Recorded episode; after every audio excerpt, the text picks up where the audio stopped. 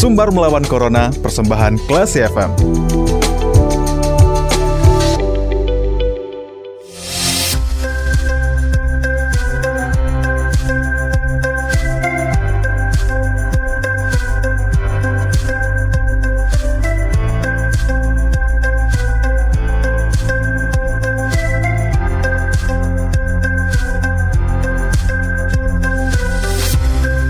...103,4 Kelas FM bersama kita lawan Corona. Kelas People, saatnya Anda mencermati program Sumber Melawan Corona, masih bersama saya Faris Sardana. Kali ini kita akan berbincang bersama salah seorang jurnalis dari TV One, ada Bang Donald, dan kita akan berbincang uh, perjalanan Bang Donald ketika meliput di daerah atau di red zone COVID-19, kemudian di ruang isolasi dan juga di ruang karantina. Kita akan sapa Assalamualaikum Bang Donald. Waalaikumsalam, Bari. Sehat, Bang? Uh, sekarang Alhamdulillah. Alhamdulillah. Nah, kalau boleh cerita tentang uh, perjuangan Abang, perjalanan dalam meliput di red zone atau zona merah COVID-19. Boleh diceritakan nggak, Bang? Seperti apa? Ya, terima kasih ya uh, atas kesempatannya. Mungkin saya uh, berbagi, sekedar berbagi saja hmm. sama uh, pendengar semuanya. Mungkin uh, ini berawal dari kan uh, suasana pandemi ini kan berawal dari sekitar bulan uh, Maret apa, 2020. Uh, Maret ya 2020 pertengahan kalau nggak salah. Hmm. Uh, uh, awal ya awal awal tanggal 10 sekitar itulah. Nah jadi karena bombastisnya, saya ingat waktu itu pertama kali kasus yang booming itu kan di daerah Depok, yeah. lah ya, hmm. di, di Jawa Barat. Nah, kemudian lalu berbooming lah berita itu di mana-mana. Nah, dan uh, sekaligus menjadi trending topik dan sorotan di tengah-tengah masyarakat. Hmm. Uh, lalu seiring berjalan waktu, um, mulai itu di Sumatera Barat ada kasus satu dua yeah. Hmm. tiga. Bahkan kalau saya tidak salah itu kalau di bulan uh, awal-awal April kalau nggak salah ya hmm. sudah tercatat yang diisolasi di ruangan uh, karant eh, ruang isolasi di rumah sakit itu ada tujuh puluhan kalau nggak salah hmm. kalau nggak salah ingat data pasti saya bisa lupa nah jadi kemudian karena bombastisnya masih di tengah masyarakat bukan di media sosial uh, sehingga tercetus uh, di tengah-tengah masyarakat itu bahwa Uh, dan itu belum pernah ada, belum hmm. pernah ada uh, liputan tentang apa namanya visual-visual uh, dari ruangan isolasi. Kita yeah. mendengar dengan mendengar bahwa ruang isolasi angker horor, hmm. sehingga semuanya itu berdampak kepada nas apa tenaga kesehatan yang berdinas di ruang isolasi tersebut.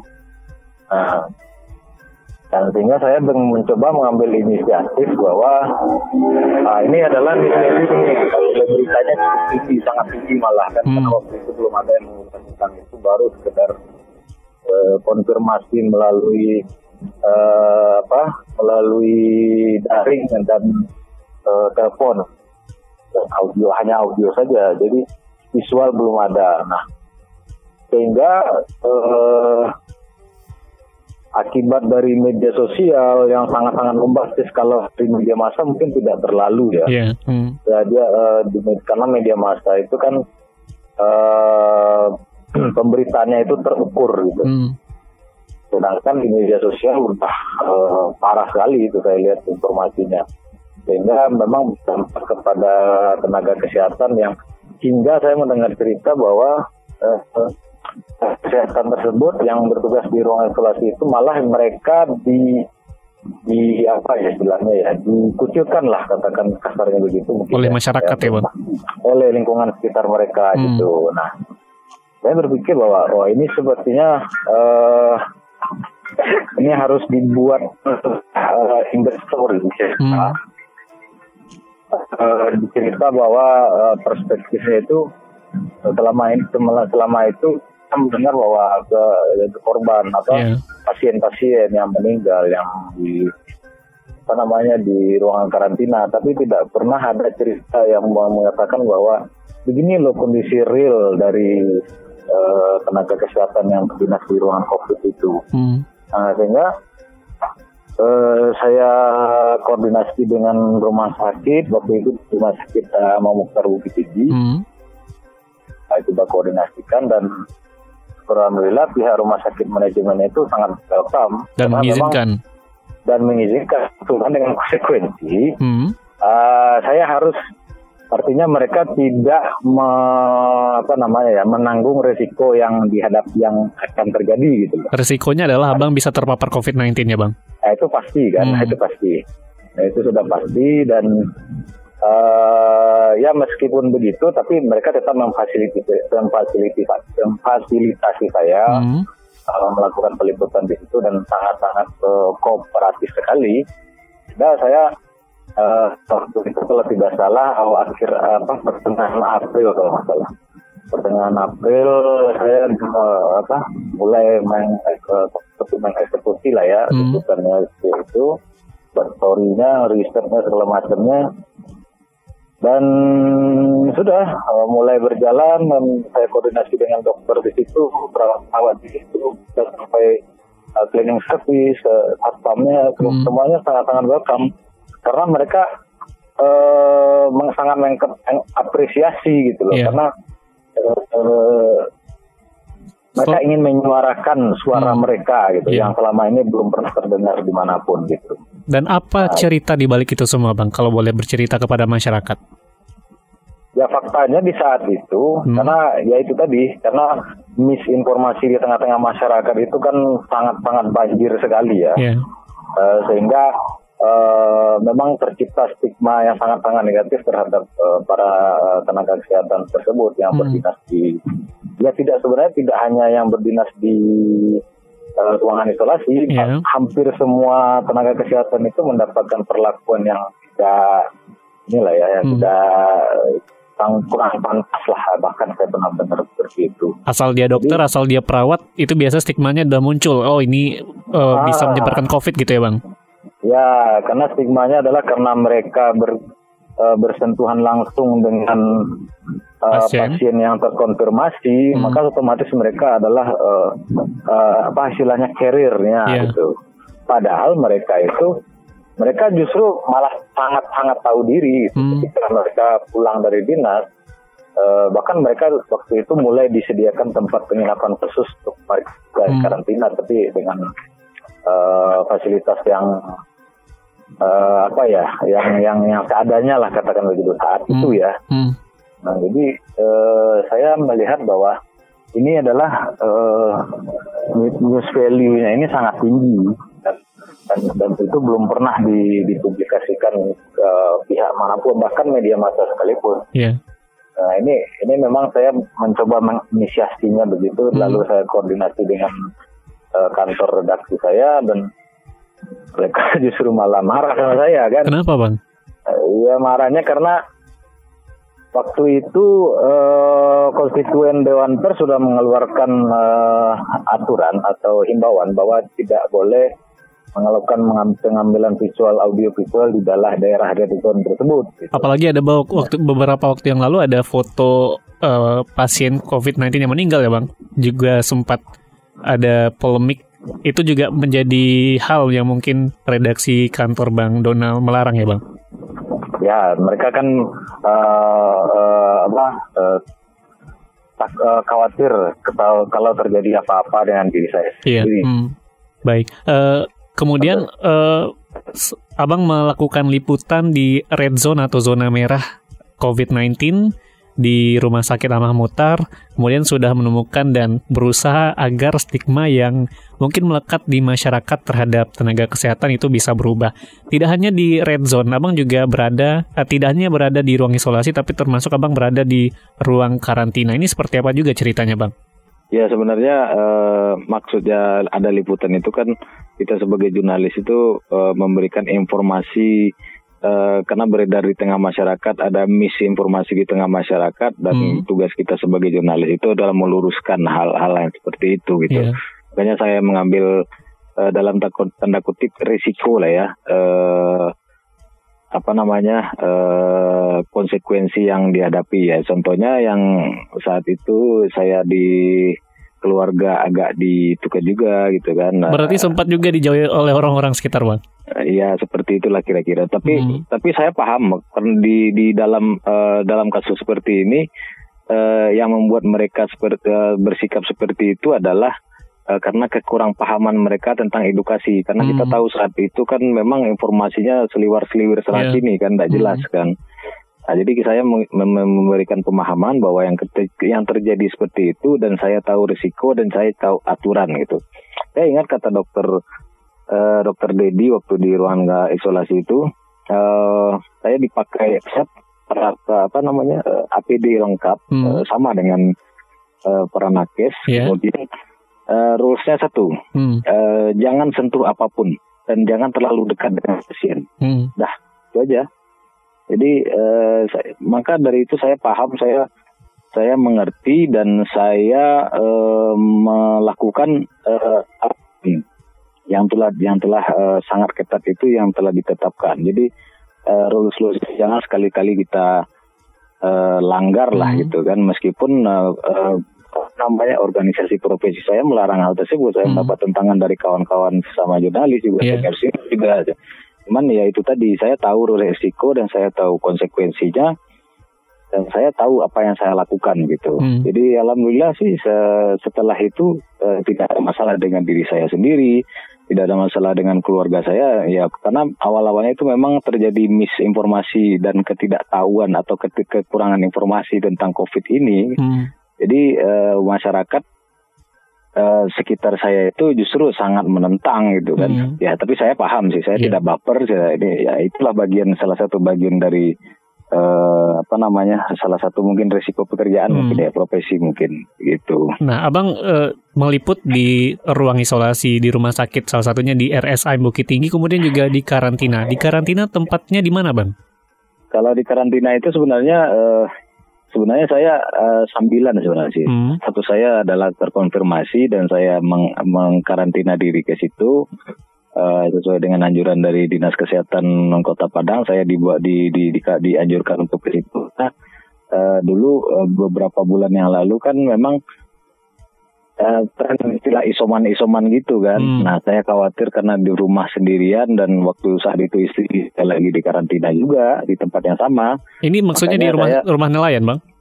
Ya, ya, hmm. di rumah nelayan itu kemudian uh, ya lebih baik saya mengkarantina diri bersama dua orang anak di situ.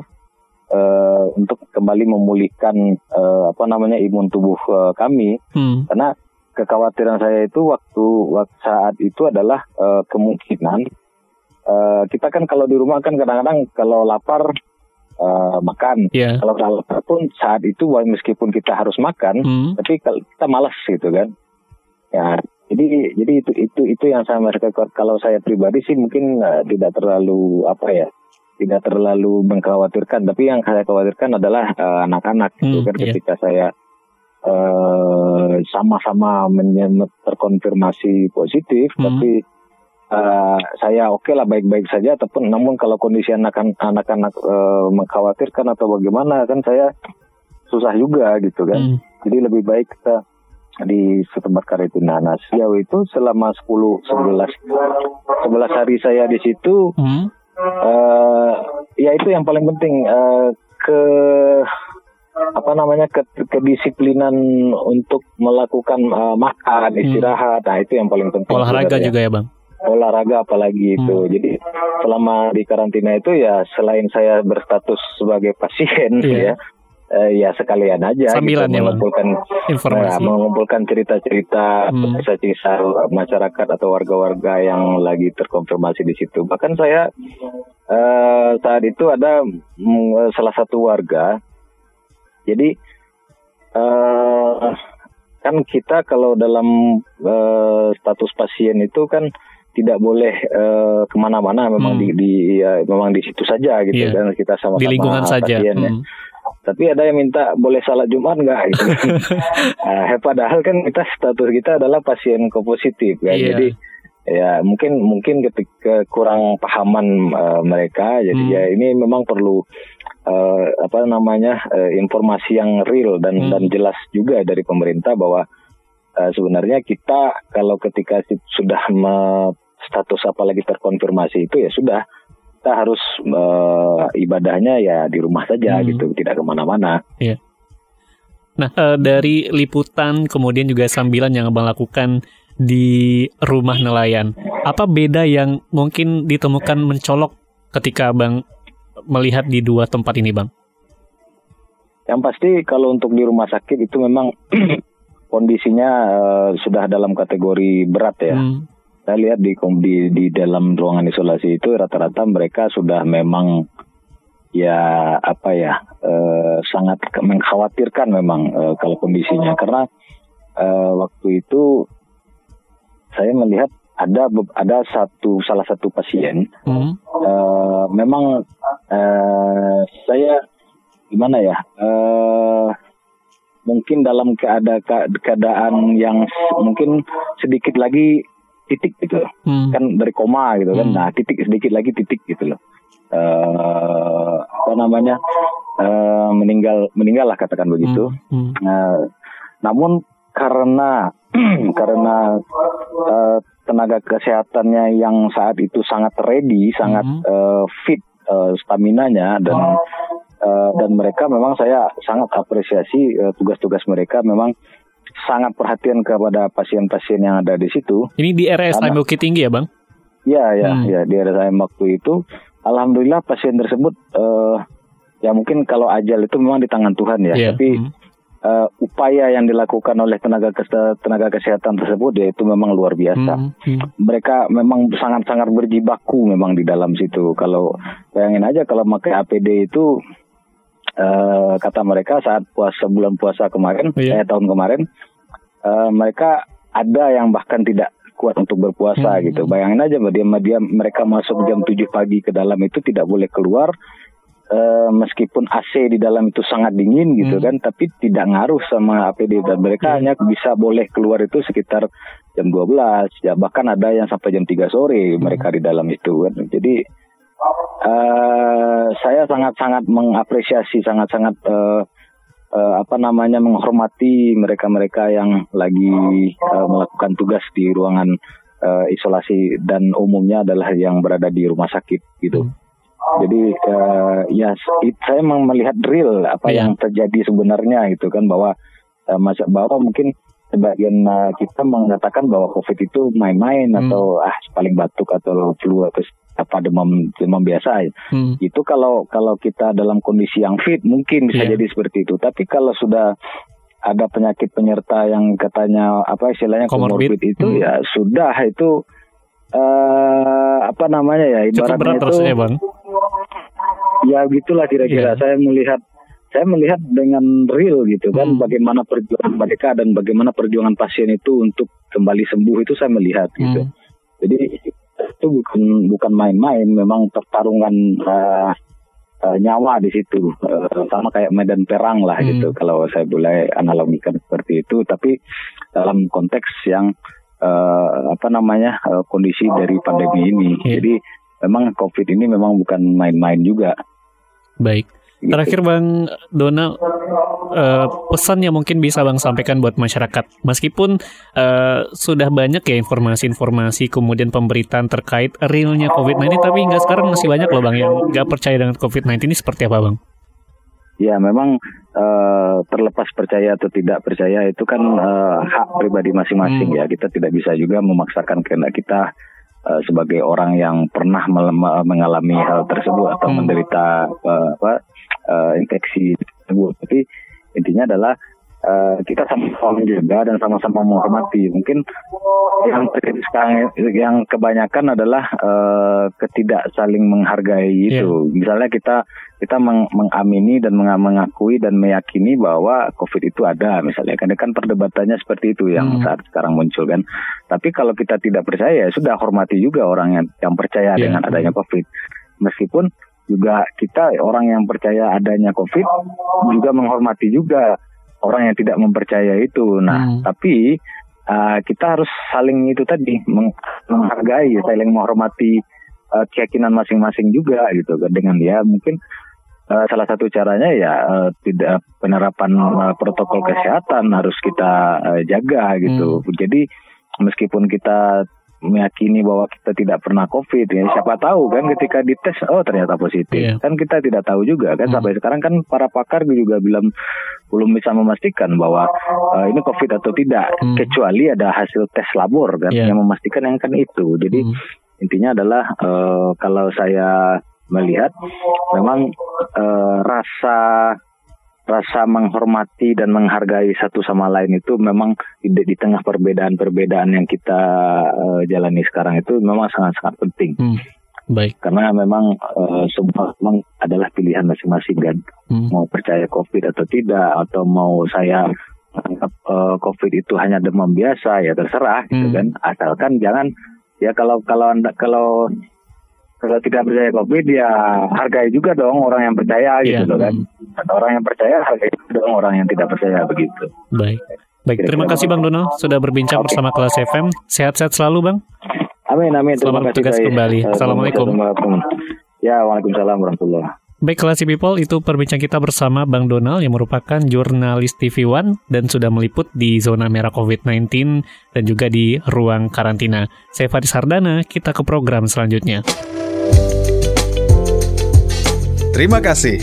Anda sudah mencermati program Sumber Melawan Corona. Cermati podcast obrolan ini di www.classfm.co.id atau download aplikasi Classy FM.